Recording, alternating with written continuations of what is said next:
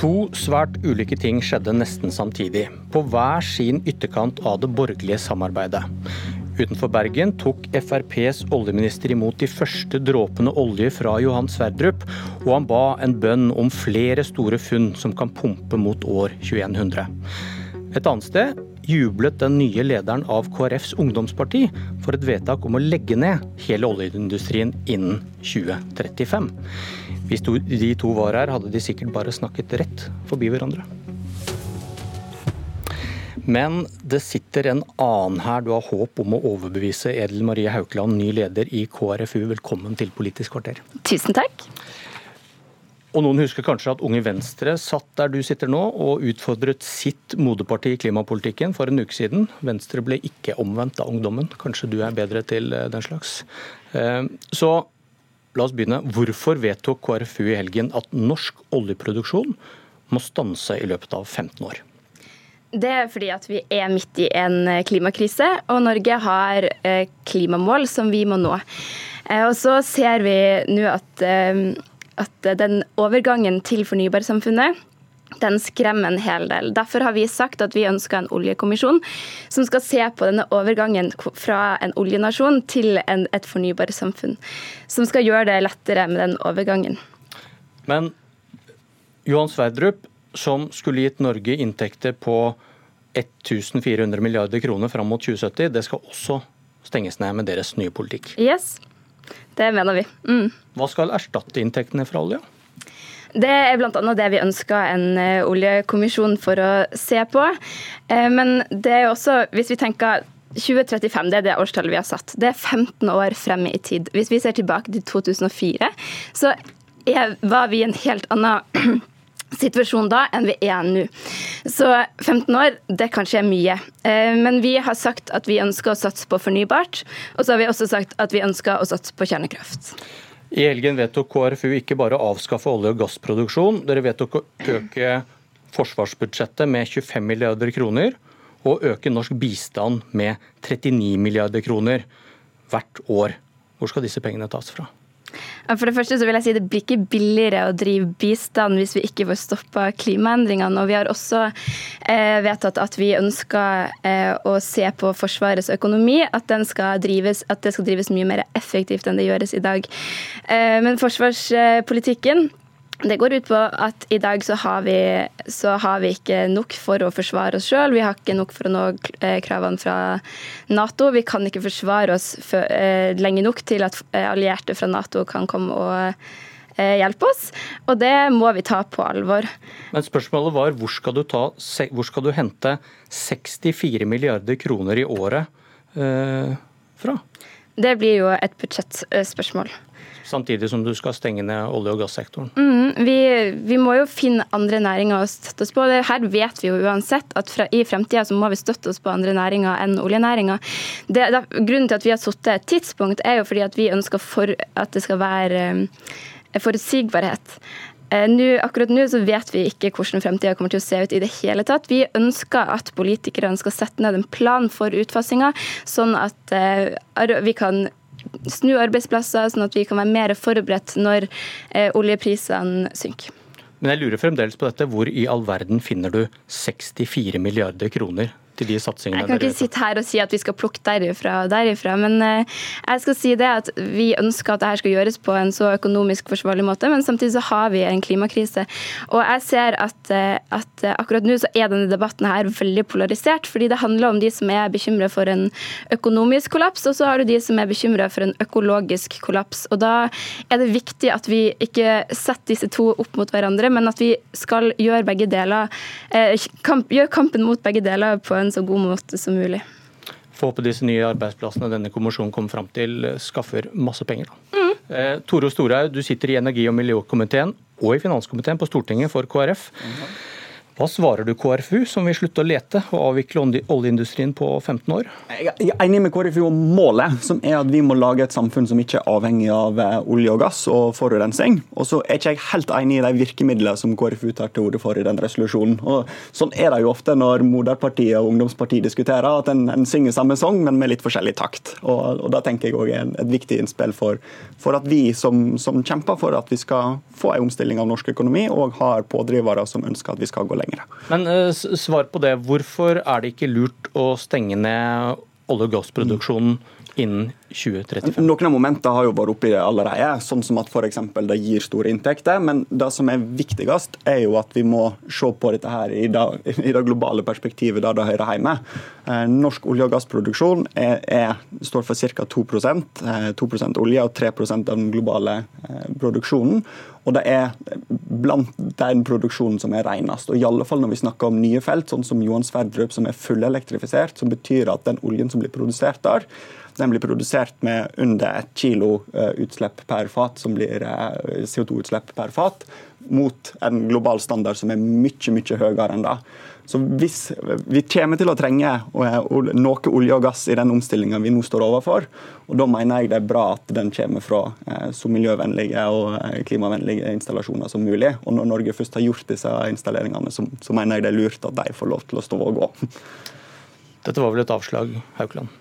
Ja, Hovedpoenget vårt er jo akkurat denne utfasinga. Og da, eh, om vi ikke får satt en plugg i Johan Sverdrup i 2035, da, eh, så, så, ønsker vi jo ikke flere eh, prøveboringer eller nye oljefelt. Og spørsmålet mitt er hvor er det vi skal sette grenser? Når skal vi si at nok er nok?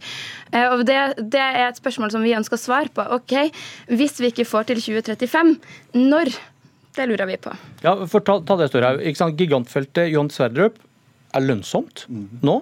Eh, hva skal vi gjøre hvis vi finner flere store felt som er så lønnsomme, ja, jeg, med, din, med, din, logikk? Jeg, men jeg tror tida for de store oljeutbyggingene er begynt å gå mot en slutt. Ja, men, men, og, og, I 2035 så kommer det ikke til å være store utbygginger av den typen. Men, svar på det. Neste år så finner Lundin en ny stor elefant, som det heter. Mm. Et like stort felt. Mm. Eh, det er like lønnsomt som Johan Sverdrup eh, ser ut til nå.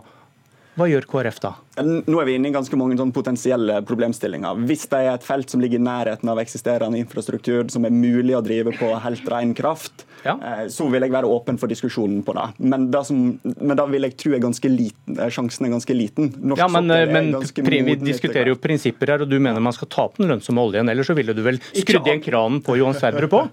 Ikke all lønnsom olje. Jeg mener vi skal ha en diskusjon der, eh, og der har KrF foreslått på Stortinget senest i fjor, der de særlig verdifulle områdene skal vektes mye tyngre med, eh, tanke på eh, miljøkrav eh, i de oljeletingene og konsesjonsrundene som nå blir gitt. Og jeg ønsker at vi skal fortsette å gjøre det dyrere å forurense på norsk sokkel, både gjennom at vi har et kvotesystem og på toppen av det bruker CO2-avgift, og eh, der en stiller krav til de utbyggingene som er. Som f.eks. gjør til at på norsk sokkel så er det uaktuelt å drive med fakling, noe en gjør, eh, noe til og med Equinor gjør eh, på andre sokler som ikke ligger langt fra vår egen. Hva tenker du om at eh, KrF skal, kan si ja til felt som skal stå og pumpe til 2080, hvis man skulle finne noe nytt nå, da?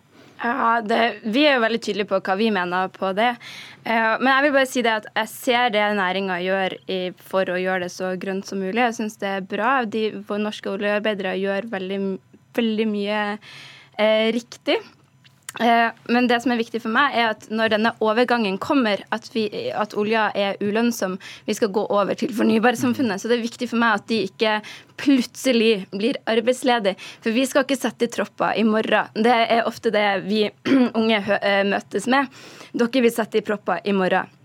Det vil vi ikke, men vi vil at når den proppa settes i, og vi slutter å bore etter mer olje, så skal vi ha en plan klar. Da skal vi ha arbeidsplasser klar. Da skal folk ha hatt muligheten til å omskolere seg, komme inn i nye yrker. Vi ønsker at den kompetansen som eh, norske oljearbeidere har, skal brukes i fornybarfeltet. De har så mye erfaring, kunnskap og teknologi som vi kan bruke for å nå klimamålene våre, og da ønsker vi heller det. Storhaug, du svarte egentlig på et spørsmål jeg hadde på blokka her. Hvorfor skal ikke Norge la lønnsom olje og gass ligge hvis det er funnet mer olje og gass i verden enn det klimaet tåler? For det vet jeg at du er enig i. Eh, også, Til dels, ja, ja. Men, men, det må være skille mellom det som er veldig lønnsomme felt, og det som er marginale felt. Ja, riktig. I KrFU så protesterte vi, og Kjell Ingolf Ropstad sto og hoppa ut forbi Slottet i protest mot Goliat-feltet, som var et, et type marginalt felt der vi mente at miljøkostnaden ikke veide opp for det vi kunne få igjen for det feltet. Men vi, Der mener jeg historien har gitt eh, Kjell Ingolf og KrFU og KrF den gangen rett. Vi snakker om Johan Sverdrupene her, da. og mm. eh, Du sier at et godt argument for at Norge skal ta opp denne lønnsomme olje, er at vi har så lave Det, det er så rent. det er så sammenlignet med andre land. Og så skriver KrF i sitt partiprogram om klimarettferdighet. Mm. KrF anerkjenner at de rikeste landene har det største ansvaret for å redusere klimagassutslipp og unngå farlige klimaendringer. Politikerne i utviklingsland har en legitim rett til å kjempe for vekst og utvikling for sin befolkning. I en overgangsfase må vi akseptere en viss utslippsvekst i utviklingsland. Hvordan ser dette argumentet ditt ut om Johan Sverdrup om at vi produserer olje med mindre utslipp enn andre, mm. i møte med KrFs egen politikk om klimarettferdighet? Jeg mener den går hand i hand, eh, fordi en klarer her En må skille det som er snørr og bart i diskusjonen. da. Eh, vi anerkjenner at utviklingsland kommer til å trenge en omstilling, akkurat som vår egen verdensdel kommer til å trenge en omstilling. Og Da er det bedre at det er norsk gass enn at det er kål som eh, danner den brua til fornybarsamfunnet. Og så må vi øke løyvingene og øke presset for at vi når fornybarsamfunnet, der vi ikke lenger er avhengig av olje og gass.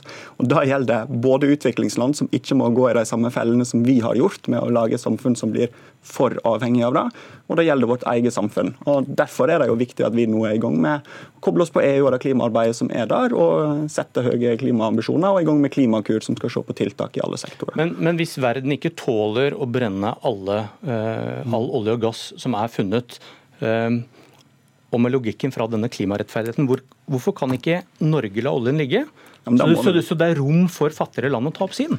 Vi må la mye av den olje og gassen som ja, kan være på norsk sokkel ligge.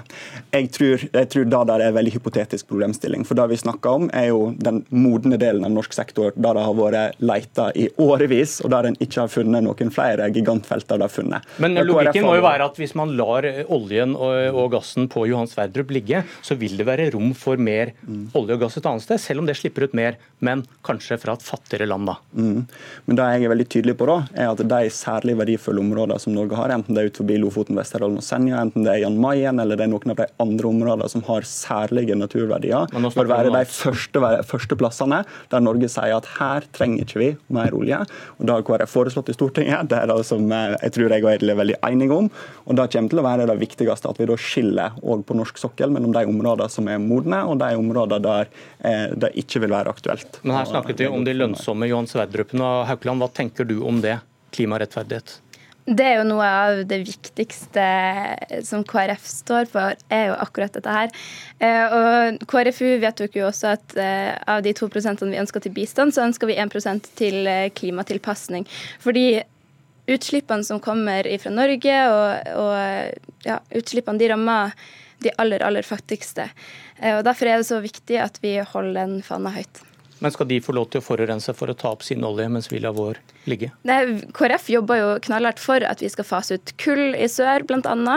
Eh, Dag Inge Ulstein, som er utviklingsminister, snakker masse om det. Eh, og Norge har et ansvar for å hjelpe de andre landene over til fornybar også. Vi skal ikke bare gjøre det her. Norge er et lite land, så hvis vi ønsker å gjøre store ting for å komme over til fornybarsamfunnet, så, så må vi også hjelpe til i andre land. Dere, Unge Venstre satt her forrige uke og sa at Venstre må selge seg til høystbydende i klimapolitikken. Vi må samarbeide med Arbeiderpartiet hvis de gir oss størst gjennomslag etter valget om to år. Eller med høyresida hvis det gir størst gjennomslag. Hva tenker dere om det? Altså, jeg tror de aller fleste husker at KrF hadde en uh, liten prosess i fjor. Uh, og da gikk vi jo nettopp gjennom dette. Hvem kan gi oss uh, gjennom, mest gjennomslag og best gjennomslag? Og da uh, landa vi på dagens regjering. Og jeg tror det er veldig tydelig for de fleste som følger norsk politikk nå, at de store skillelinjene i klimaspørsmålet Da går mellom de små grønne partiene og de store grå. og Den skillelinja kommer bare til å bli større fram mot neste valg. Ja, men uh, dere kan jo bli tatt for gitt hvis dere har valgt side allerede? Jeg, Jeg tviler på det. altså. Jeg tror de merker at vi er der. Og KrF er et sentrumsparti. Vi vil alltid, vi vil fortsette å være et sentrumsparti. Men eh, jeg mener at vi får, har fått gode gjennomslag i dagens regjering. og eh, ja. Mm. Det kommer vi til å fortsette å kjempe for hver eneste dag. Yes. Vi får se. Takk for at dere tok debatten i Politisk kvarter. Vi er tilbake i morgen. Jeg heter Bjørn Myklebust.